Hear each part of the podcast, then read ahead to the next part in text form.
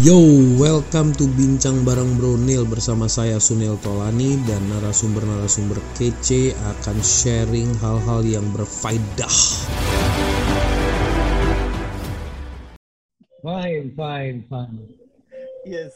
Yeah, uh, it's uh, apa ya? It, it's an it's an honor to finally talk to you.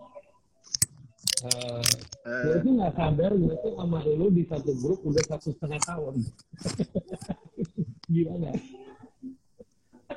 oh ya. Halo. Eh, we have a little bit of problem uh, berisik dan ini ya hopefully it can solve the problem. Uh, ini masalah jaringan. Um, Oke. yes. Can you Suara gue jelas nggak bro? Teman-teman, rekan-rekan semuanya pada kesempatan malam hari ini, we'll be so excited to sharing dengan uh, teman-teman semua. Tapi mudah-mudahan masalah jaringan nggak jadi masalah. Kadang-kadang, ah itulah kendala yang terjadi. Ini latihan kecerdasan emosi pada saat ketika kita sedang mengadakan IDG Live. Semoga lu nggak emosional. Bro, Oke. how have you been, bro? Uh, great. Um, also, although up and down. Jadi tiga bulan ini, meskipun gue merasa orang bilang, eh lu kan master emosi, lu nggak ngalami ini, siapa bilang? Gue juga jatuh bangun gitu loh. Ups and down juga. Eh, cuman memang kadang-kadang itu menjadi tantangan juga bro. Ketika kita ngajarin orang gimana cerdas emosi, kadang-kadang ada seolah-olah kayak ada pisau yang nusuk ke diri kita sendiri. Masa lu ngajarin orang tuh cerdas emosi lu sendiri nggak cerdas emosi mengalami melewati situasi seperti ini. Jadi eh, since the beginning, saya tuh sebenarnya salut dengan mereka-mereka yang seriously, they have been so uh, amazingly, you know, meskipun cuman di awal-awal waktu ketika PSBB berlangsung, mereka bisa dengan begitu cepat menyesuaikan. Dan gue merasa agak sedikit butuh dua mingguan baru bisa adjust. Makanya buat lo, lo yang sampai misalnya sampai misalnya dua bulan, terus masih beli- belum mau out- move on, gue cuma bilang satu hal sih, terlalu sih gitu. Oke. Iya. Kesadarannya kurang kurang kurang peka lah ya. Artinya Yes. udah lu lu nyaman aja gitu. Iya, betul. Dan bukan cuma sekedar nyaman kalau kita di bisnis itu kan kita mengatakan bahwa uh, don't just don't just adapt. You have to kalau kalau di kalau kita bicara mengenai stress management kan ini ini uh, saya banyak ba- banyak serius ini dan buat teman-teman itu I, I I receive so many cerita kisah WA lah, PM lah, Aduh Pak Antoni, gue merasa bahwa gue stres sampai nggak bisa tidur. Terus gimana dong? Gue kena PHK dan sebagainya. Saya bilang, I know your situation. Bahkan ada yang saya sempat cerita, itu posisinya udah levelnya udah direktur, sampai merasa pingin nuntut ke perusahaan. Dan aku Hmm. bilang, "Eh, what for? Lu nuntut perusahaan juga dalam kondisi yang susah bro, saya bilang. Mendingan daripada kamu menghabiskan energi untuk sesuatu yang negatif, why don't you use your energy untuk sesuatu yang lebih membangun? Think about something else. Maybe it's a wake up call dari Tuhan buat dirimu untuk maybe you should do something else. Perlu konsultasi sama Oke, dirimu. to tadi itu prolog. startup, you know. Tadi itu prolog, gue trigger dulu kan gue udah bilang harus di trigger dulu. Oke, sekarang gue officially welcome dalam bincang bareng Bro Nil. Welcome Bro Anthony Dio Martin. Yeah. Betul sekali. Ini baru official. Jadi gini ya, bro, Oke. Tadi perkenalan awal. Yes. yang yang yang your starting statement is the best starting today. It made my energy raised up. Aha. Why? Karena ada satu statement yang uh, sorry sebelumnya gue panggil bro nggak apa-apa ya, Mas Bro, Yes, Bro, oh, gue lu. Please, fine. please, please. Ya. Um, right, and um, okay, so um, jadi pas uh, Mas Bro ngomong tadi, lo orang yang menguasai kerja kecerdasan emosi, tapi lo sendiri nggak bisa, uh, lo sendiri emosian misalnya at some point. Mhm. Ya. Menurut gue itu sangat-sangat normal dan menurut gue itu adalah kebodohan orang, menurut gue pribadi, di mana begitu dia melihat seorang guru atau seorang trainer yang klaim adalah coach, Yeah. uh, atau uh, specialist in apa pun, Yes. selama itu urusannya masih di soft skill dan urusannya adalah di IQ, EQ, and SQ, ya Yes. dia pasti ada fluktuasinya lah. Bedanya, bedanya orang kayak lu sama orang kayak gue, mungkin kalau dalam konteks kecerdasan emosi, lu udah punya, kalau kita main silat tuh lu udah punya cara-caranya.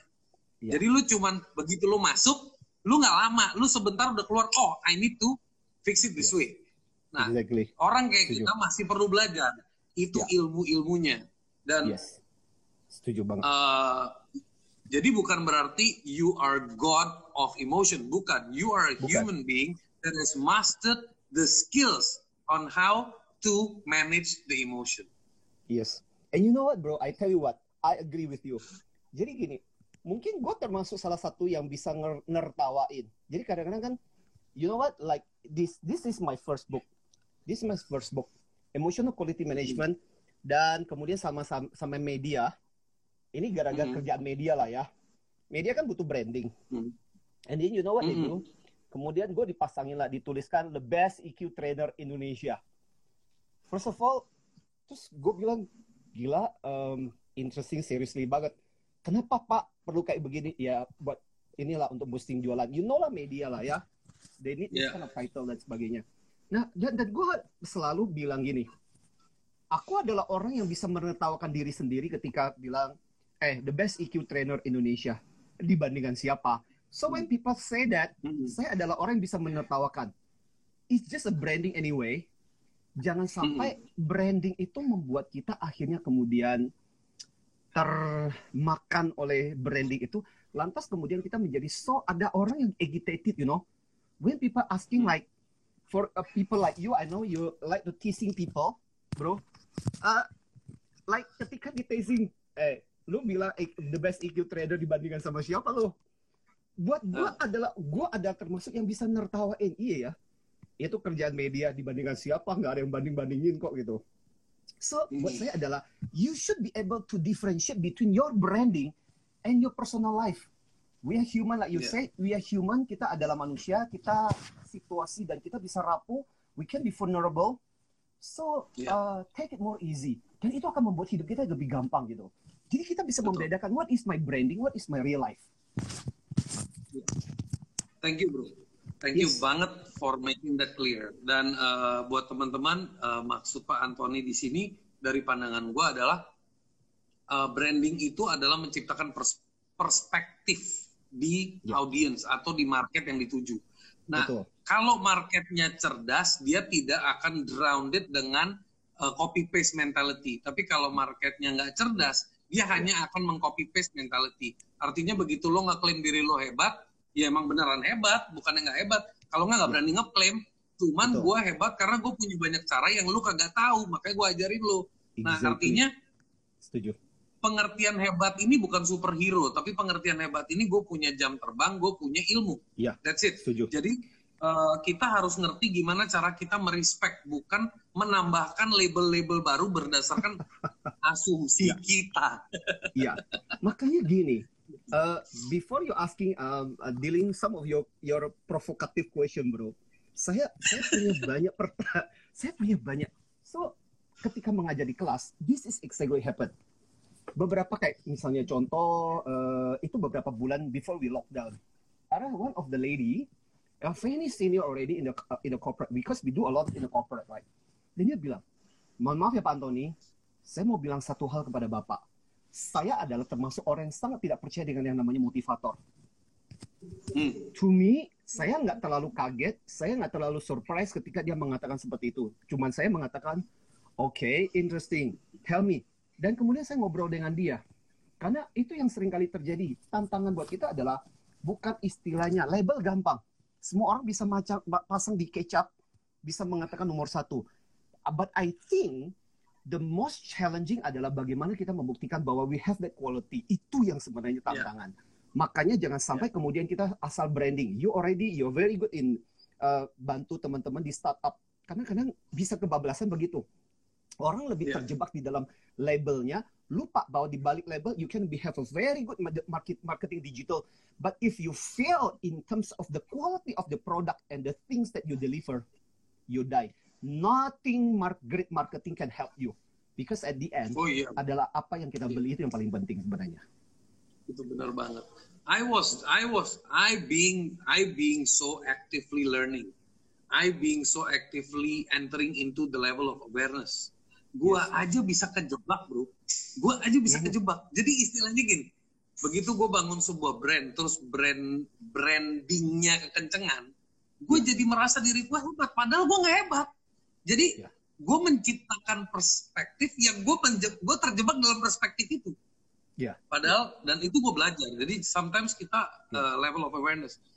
Um, and uh, I I watch uh, recently your talks and gue amazed the way you share, the way how smooth you talk, how how easy going you talk. Karena kadang-kadang ada different different people uh, has different different style, and uh, I appreciate that you're being always trying to be yourself in any situation, which is what I notice ya.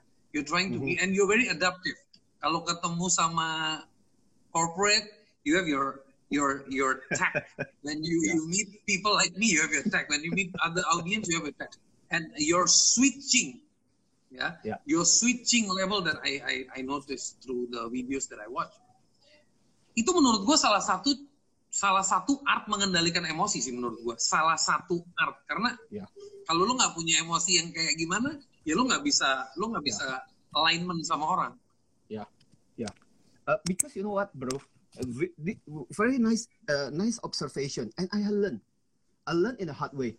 Karena gini, from time to time, misalnya contoh 15 tahun, akhirnya kemudian nggak terasa juga, gue baru dikasih tahu siaran di Smart FM itu 15 tahun, bro. Can you imagine? Meeting with different hosts dan sebagainya. Terakhir, dia have been dealing uh, dengan Riri. He is one of the best. Um, tapi kan nggak semua seperti itu. Jadi akhirnya kemudian saya belajar daripada lu kemudian gila, sinting tanda petik dan berharap orang lain yang menyedia men- men- menyesuaikan diri lu. Hey, the world is not like that. Kamu tidak bisa berharap bahwa dunia yang kamu jalani bisa menyediakan karpet buat kamu. Sudah daripada kamu berharap dunia menyediakan karpet buat kamu, mendingan kamu pasang uh, sepatu aja, sandal di di kepa- di kakimu sehingga kamu yang belajar Mhm. untuk menyesuaikan. From there I learn. Karena ketika kita expect terlalu tinggi, too high, kadang-kadang kita jadi kecewa, down. Dan akhirnya kemudian malah malah apa ya? Kayak misalnya siaran, malah acara kemudian terganggu hanya gara-gara karena kita punya ekspektasi. And from there I learn. Belajar gimana caranya udah deh. Uh, lower the starting with a very low expectation and then we raise the expectation. Dan akhirnya itu akan membuat kita menjadi jauh lebih happy daripada kita punya very high expectation. At the end we are kita kemudian kecewa. That's what I learned, bro. I have a question out of sedikit penasaran. This is maybe common question many people will ask. yeah, sure. Tapi maybe I will try to ask you from a different perspective. Please. Why did you think mastering emotional, sorry, gue harus ganti ke bahasa Indonesia. Kenapa menurut Mas Bro uh, mem, mem, memasteri sebuah skill namanya uh, kecerdasan emosi itu uh, penting dan pada situasi apa kesadaran itu muncul?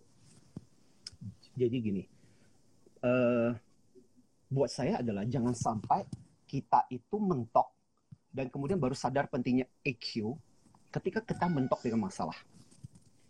You know what? I learned it the hard way. Makanya gini loh, do you, do, do- don't you think? uh, it, saya saya saya belajar satu hal gini bro. Kalau kita punya pernah punya problem di bagian itu, we can be a very good teacher in that field, you know. Misalnya contoh, orang yang pernah mengalami katakanlah kegagalan pacaran, sering kali patah hati, you, don't you think they can be a very good teacher in teaching people how to deal with pasangan, you know? Karena mereka mengalami berbagai kejadian itu. So in my case, I learned it in that hard way. Saya waktu uh, I- saya lulus terbaik Fakultas Psikologi, and I love psychology so much. Tapi saya bilang, at the end, saya masih ingat, seriously this is my case. Ketika saya lulus, itu dibutuhkan berbulan-bulan buat saya untuk bisa diterima di pekerjaan. Can you imagine, bro? lulus terbaik dari UGM, psikologi, the best. Supposed to be dapat pekerjaan langsung, right? No, not in my Yeah. case. Sampai gue sampai gue menceritakan, but it's not happy at that time, you know. Sampai aku cerita gini, nggak terlalu nyaman ketika ngalami pada waktu itu. Bulan pertama, bulan kedua belum dapat kerjaan setelah wisuda. Bulan ketiga, harga diri gue udah sampai turun ke basement 7, bro. Sementara teman-teman gue yang IP-nya cuma biasa-biasa saja sudah dapat kerjaan. Biasa dong. Kalau kumpul kan mesti ada urusan di kampus. Kan sering Iya. nanya, Iya, eh Tim, lu udah diterima di mana? Lu udah diterima di mana? And you know what? Saya masih ingat waktu itu, saya lamar di salah satu bank dan kemudian because kakak kelas saya sudah berada di sana dan kemudian dia sempat kasih masukan sih that hit me so much. Dia bilang begini, atasan saya setelah mewawancarai kamu tahu nggak Tin? Dia bilang satu hal kepada kamu. Dia bilang kamu adalah orang yang pandai buat kamu sendiri. Tapi lihat begitu banyak prestasimu always dealing with yourself. Dia khawatir waktu ketika kamu masuk bekerja, kamu akan menjadi seorang single fighter. Wow, that hit me so much. Kemudian saya mulai berpikir, iya, I have been raised up in that situation. Maka di tahun 95 kan saya lulus kan sekitar tahun-tahunan itu juga. Saya mulai tertarik. Waktu itu Daniel Goleman baru saja memperkenalkan tentang kecerdasan emosional. Dan saya mulai berpikir, maybe this is the things I need in my life. I have been so, in terms of intellectual, dan itu yang cara yang saya saya juga lakukan. Kalau saya boleh cerita uh, ini belak-belakan cerita tentang apa yang saya lakukan. Selalu berusaha untuk menunjukkan bahwa gue pinter bahwa gue smart gitu. Tapi kemudian akhirnya Competitive spirit ya. yes betul. Dan itu sangat karena saya dibesarkan di keluarga yang sangat kompetitif delapan bersaudara bro you imagine ya Terus diadu-adu. Yang itu Dan- pinter, masa lo enggak yang itu pinter? Exactly, iya. exactly. Dan gue anak paling kecil lagi. Jadi selalu di ini, ya katanya anak bungsu yang paling sayang, nggak di dalam posisi gue dan kadang-kadang biasalah ya dibandingkan dibandingkan kenapa itu bisa, kenapa lu nggak bisa dan sebagainya. So the competitive spirit is there. Dan akhirnya kemudian saya mulai berpikir, ini mungkin yang cara penting yang ketika ke- saya masuk di dalam dunia kerja bukan itu lagi. Saya nggak bisa cuman mengandalkan. At the end, kita bukan terkesan orang yang begitu pintar kok. At the end, kita yang terkesan dengan how bagaimana kita feeling kita ketika kita bisa berinteraksi dan itu itu juga semua yang kemudian diingat. Makanya saya bilang at the end is not bukan apa yang kita ketahui. Saya nggak pernah at the end. Yang menarik tahu nggak bro? Makanya saya selalu bilang dan saya mau teman-teman yang mendengarkan kita pada siang, eh, pada malam hari ini, you notice something dan saya mau teman-teman mencatat satu hal. Seriously, saya belajar itu dengan susah payah. Akhirnya yang membuat saya diterima di tempat kerja tahu bagaimana caranya? Saya direkomendasikan oleh kakak kelas saya.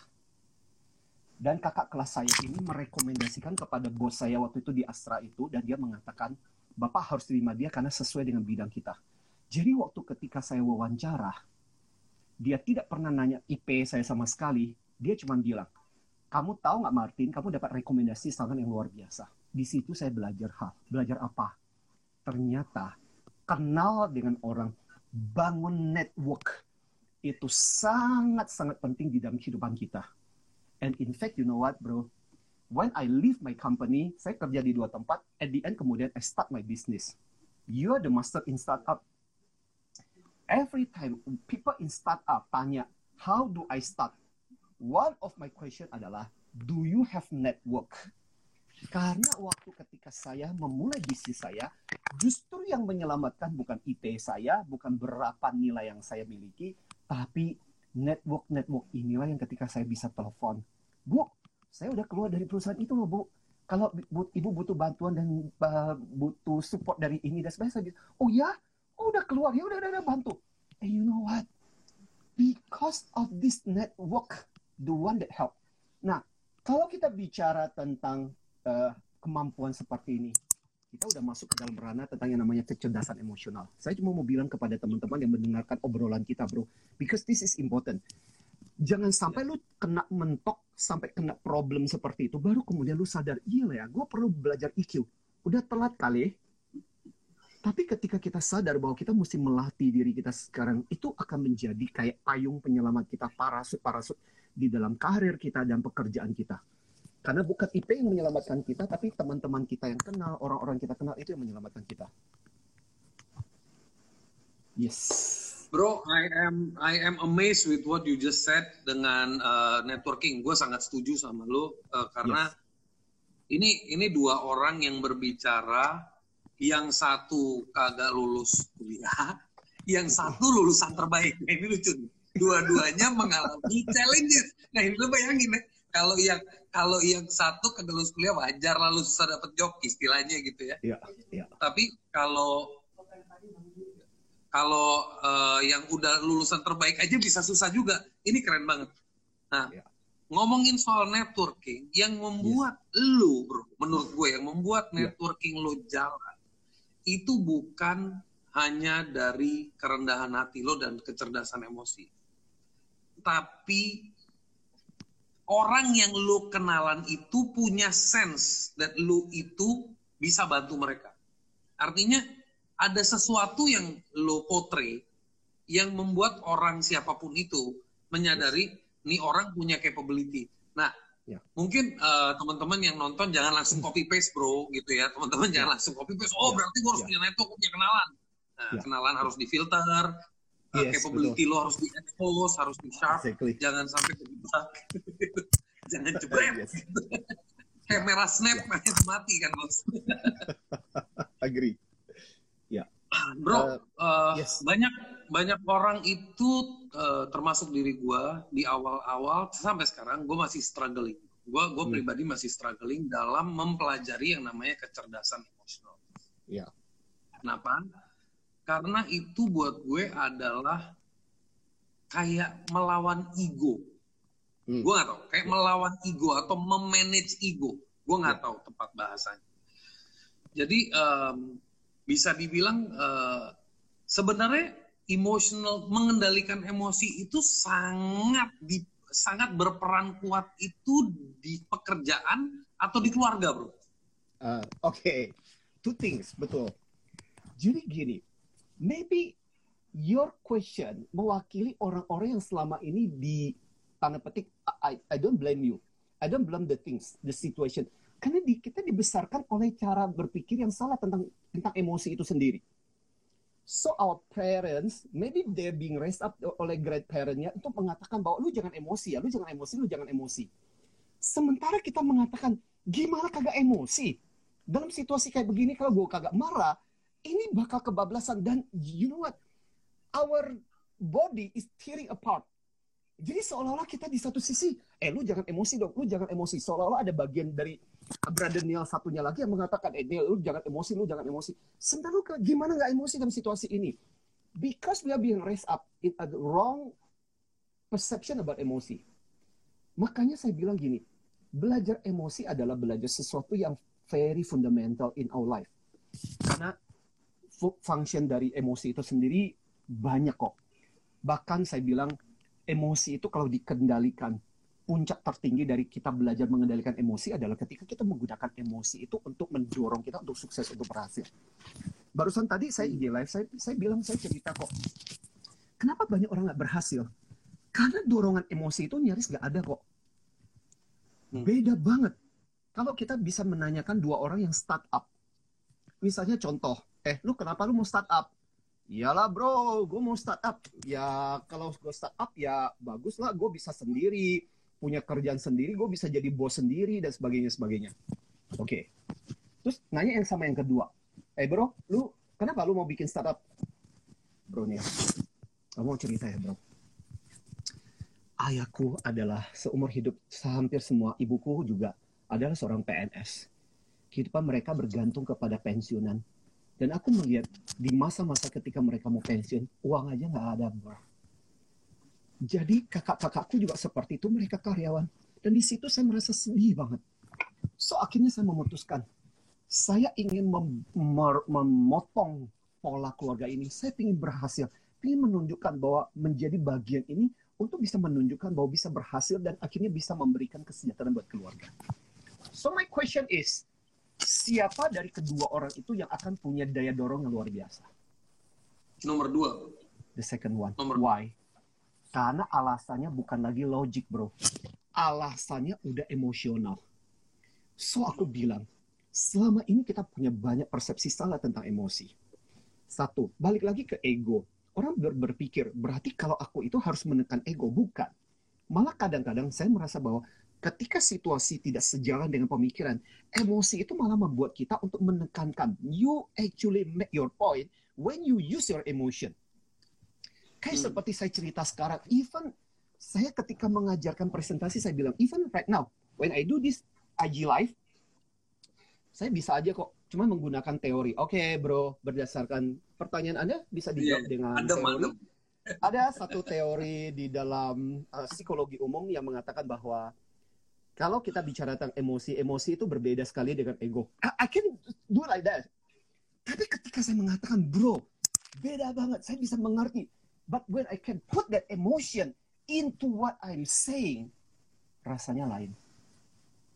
And the things I like your your IG live ketika waktu dengan Riri dan sebagainya adalah is one thing. Genuinity. Genuinity ketika kita bicara tentang keaslian is part of dari emotional. Ketika kita mau ekspresikan diri apa adanya, perasaan ketika kita jengkel, kesel, dan belak-belakan apa adanya.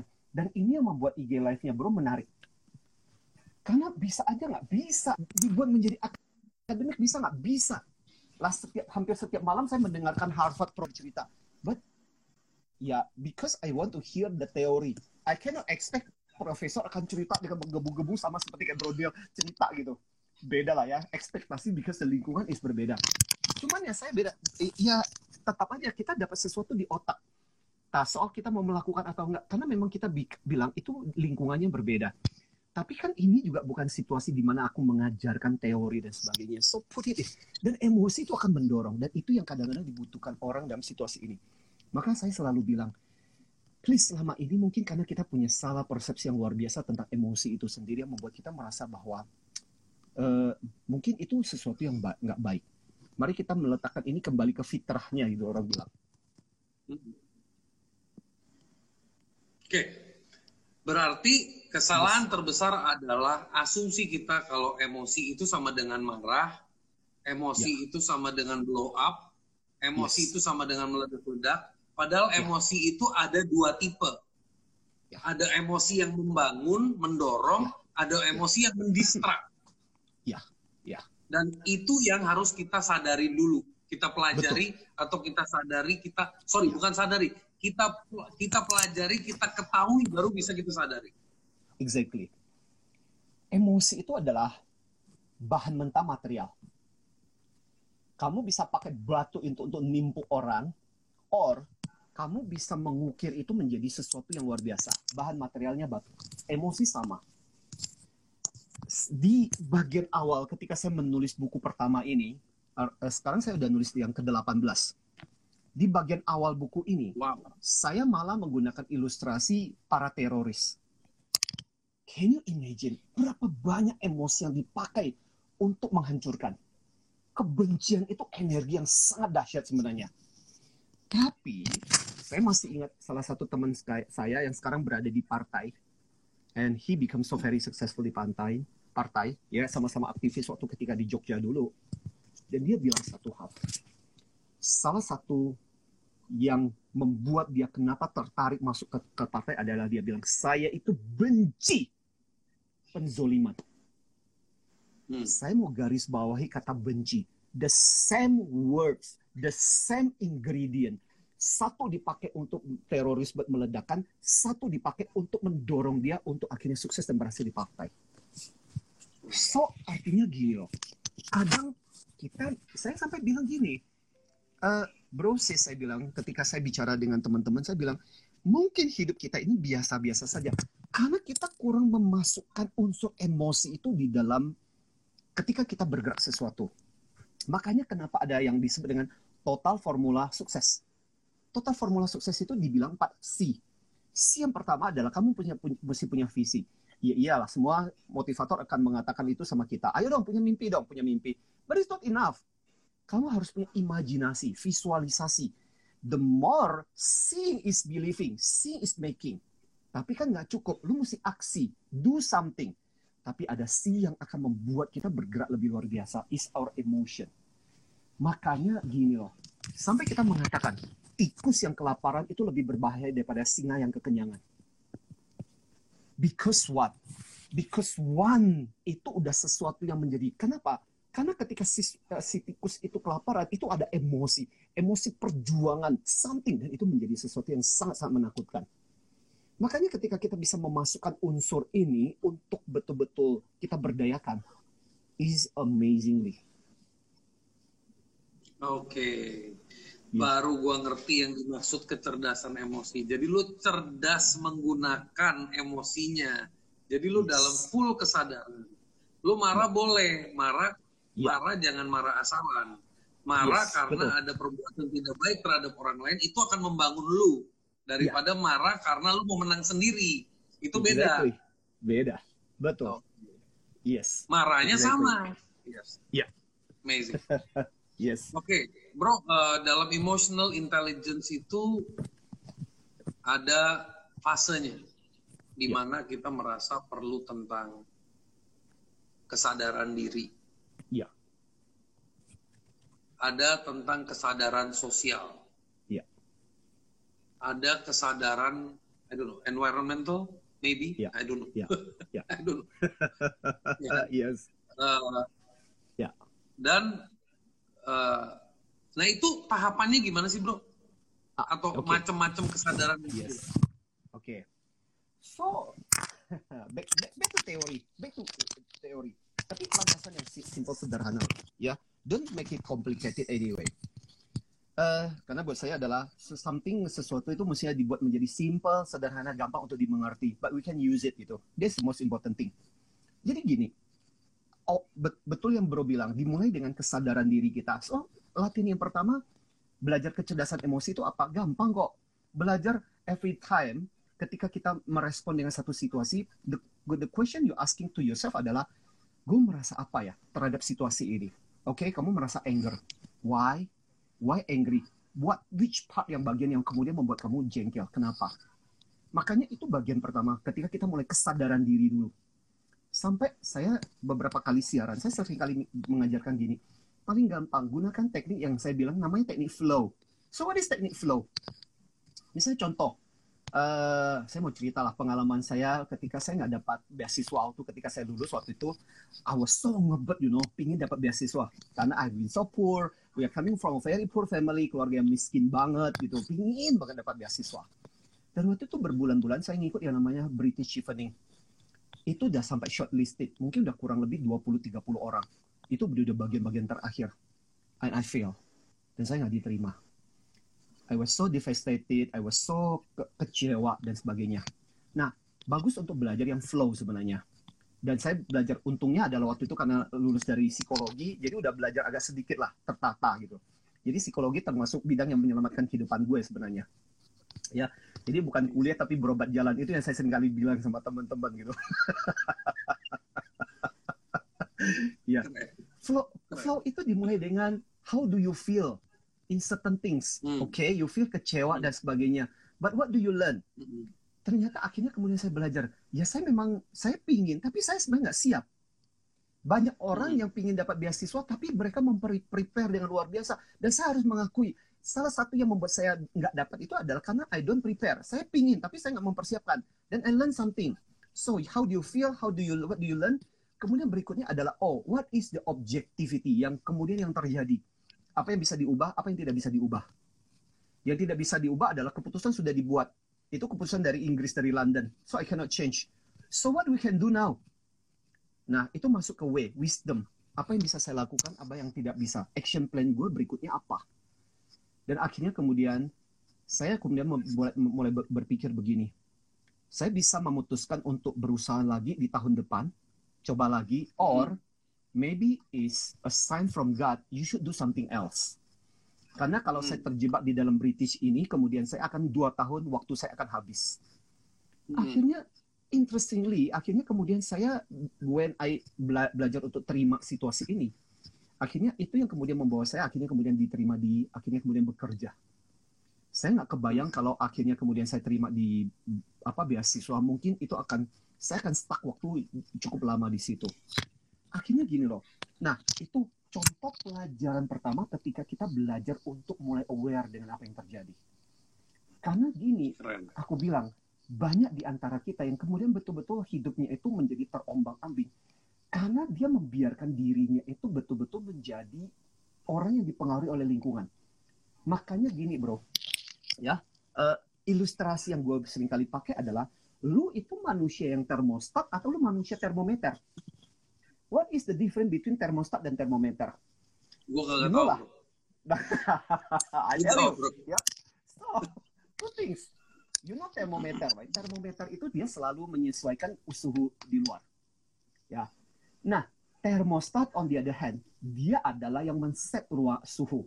Dia berusaha untuk menetapkan pokoknya suhu harus diset sedemikian rupa. Nah, kita bisa belajar untuk menjadi orang yang terus-menerus menjadi termometer yang hidup kita dipengaruhi oleh situasi dan kondisi atau kita belajar untuk lebih aware dan kemudian menetapkan, enggak, saya tidak mau di lingkung, eh, lingkungan saya mungkin kebanyakan orang dalam situasi ini udah down, udah depresi kayak pandemi seperti inilah.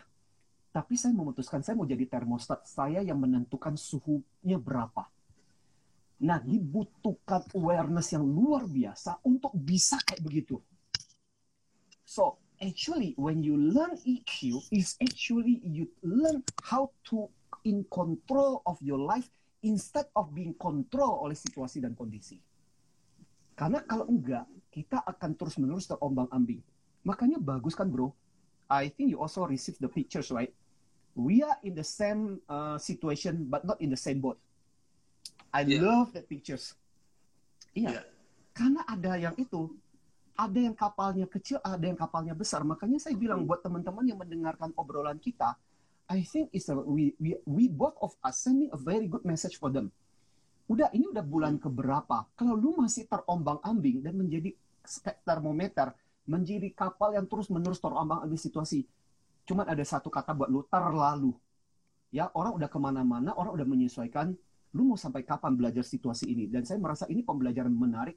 God sending a very good message for us, for, us to learn from this situation. So, itu sebabnya kenapa di EQ kita melewati proses itu. Sadar dengan diri kita, baru kemudian kita berurusan dengan orang lain. That is the principle, bro. Guys, eh, gua dalam situasi pandemik ini banyak hal yang terjadi sama gue. Perasaan sebelum pandemik gue nggak akan pernah terpikirkan untuk nelpon manusia ini. Padahal satu grup sama gue satu setengah tahun. Coba, lu pikir, know. I ya kan? know. Ya kan? Jadi, jadi, jadi Iya, coba di, di, di reverse dulu, di reverse.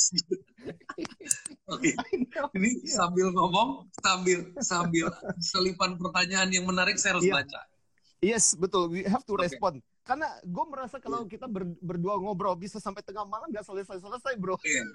Tapi ini ini sudah mengkonfirmasi bahwa gue harus ada one on one talk sama lu. Kayaknya bisa tiga jam. Itu udah pasti. Oke, Yes, I know. We Pak can talk Antoni. until late night. Yes. oke. Gue continue ya bos.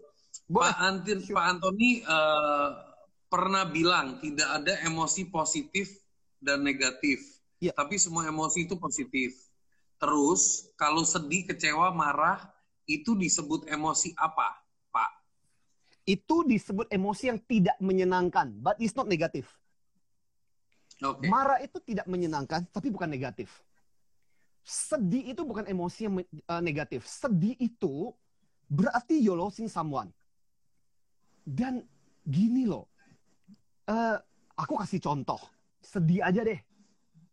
Banyak orang bilang sedih negatif. Who? Bi- Siapa bilang sedih negatif? Enggak.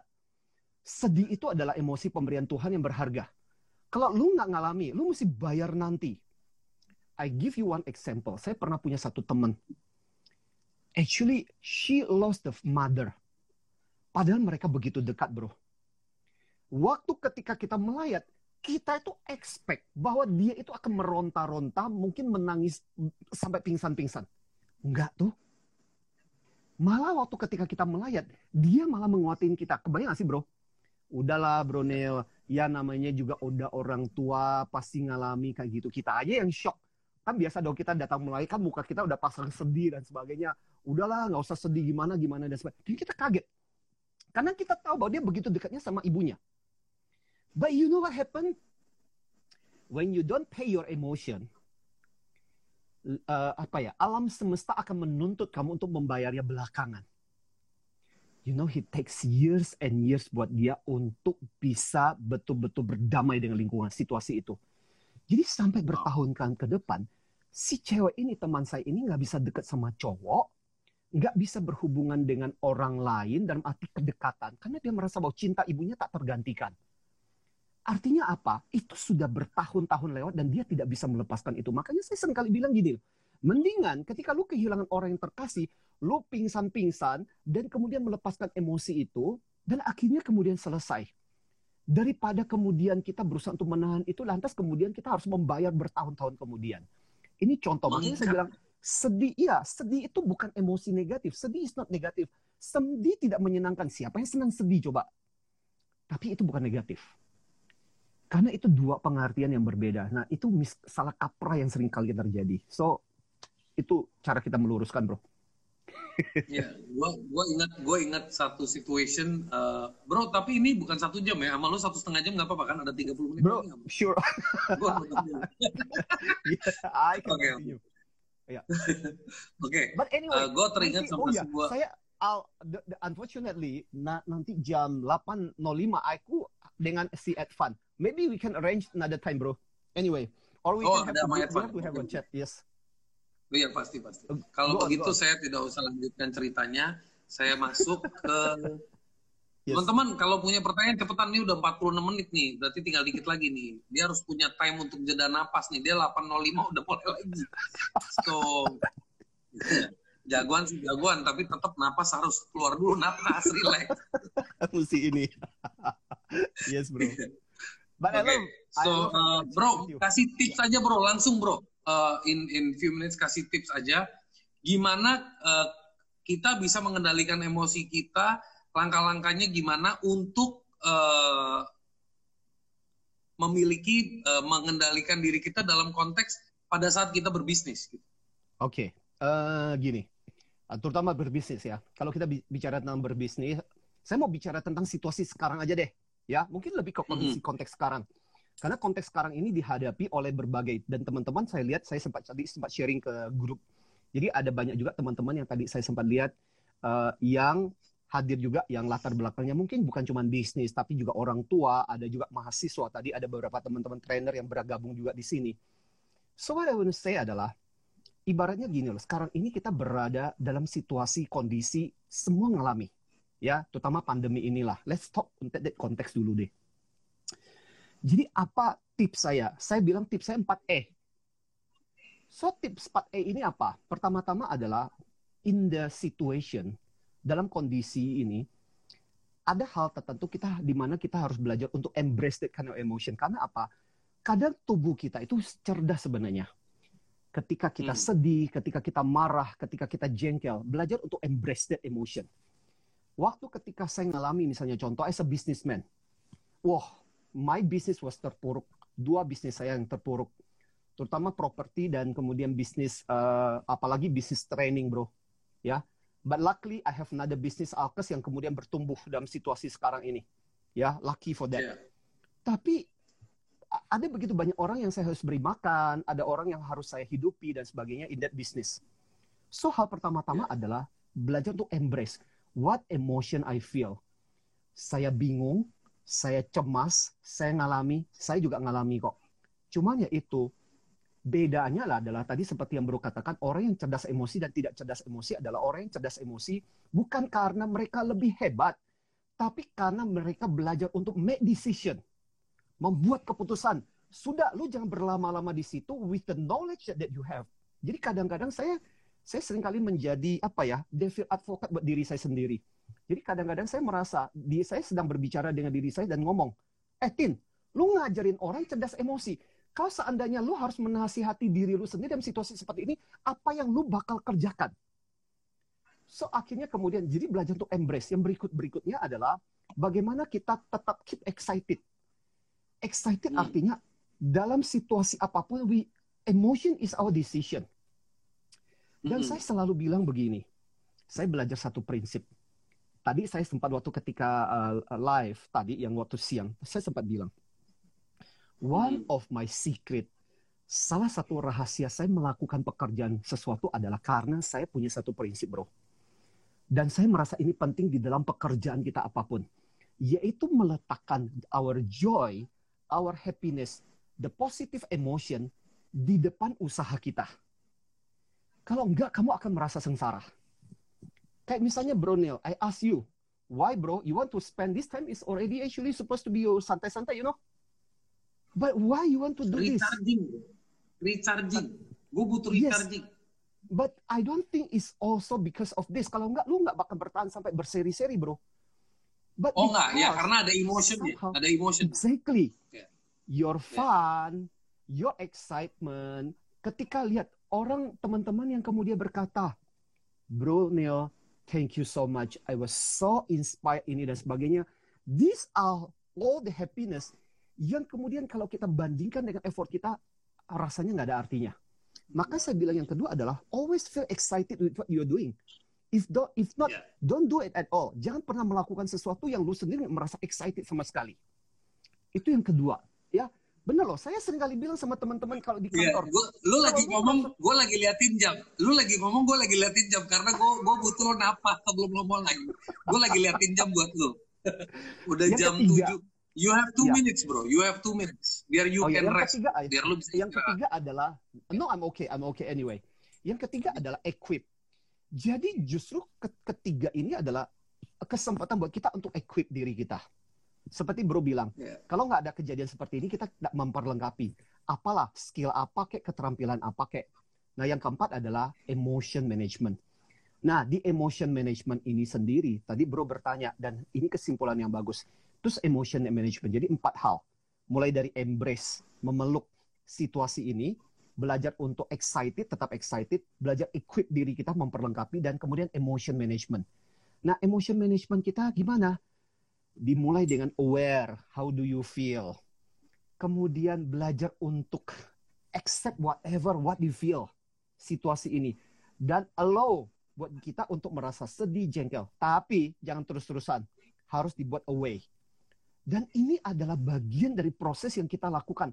Akhirnya gini loh, kita melewati terowongan ini jangan sampai ketika kita keluar dari terowongan situasi sulit ini, akhirnya kemudian di- dua tiga ming, eh, dua tiga bulan ini we don't learn anything.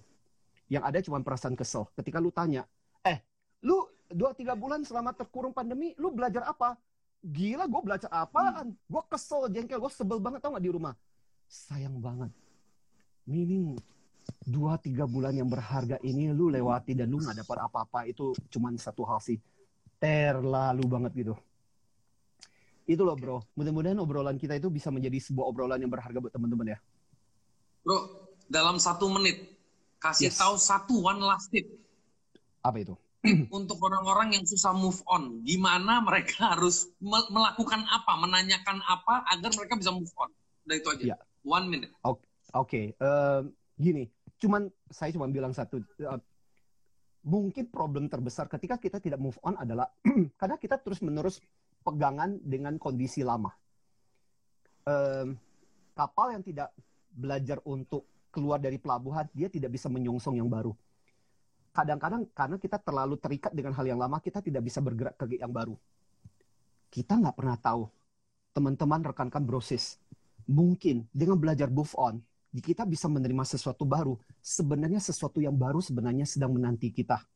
Saya percaya begini, please be remember, Tuhan sering kali menutup satu pintu supaya kita bisa punya pintu yang lain. Problemnya adalah kita susah move on dan kita terus menerus mengetuk di pintu itu. Dan padahal pintu yang lain sudah ter- terbuka, kesempatan yang lebih bagus, situasi yang lebih bagus, cuman ya itu kita ngotot. So, saya percaya kadang-kadang dengan move on, maybe there's more opportunity, hal yang lebih bagus sebenarnya menanti kita. Cuman ya itu jangan double itu aja sih sebenarnya. Siap. Oke guys, kata penutup. Dari semua yang dia ngomong, cuma satu yang masuk di kepala gue. Jangan double. Semoga itu yang masuk ke kepala lo. Dari semua, itu yang paling interesting. Mas Bro, thank you so much. I was You I are an amazing person. You have an amazing energy. blessing all around the place. Keren banget. We should do this again. And Yeah, I'll, I'll I be in touch so. with you. Thank you so much. Yes, I'll be in touch with you, bro. Thank you banget. Mudah-mudahan teman-teman yang mendengarkan semua kita nggak sempat ngobrol banyak dengan mereka. Because satu jam Yeah. itu nggak akan bakal cukup untuk Brother Neil sama Brother Yeah. Anthony. I know. We can take the whole Yeah. day, you know. But thank you so much. Thank you so much. Yeah, Uh, it's my please take care of your health. Take care of your health. Yes. Take care of your You too, energy. Uh, thank you Yes. for spreading uh, hal-hal kebaikan. Terima kasih banget. Yeah. Yes. And God bless you. Bye. Bye-bye. Bye. Alright, sekian untuk episode hari ini. Ingat follow IG gue Neil Tolani. Stay tune terus di podcast gue. Semoga menjadi manfaat buat kita semua. Rise and shine.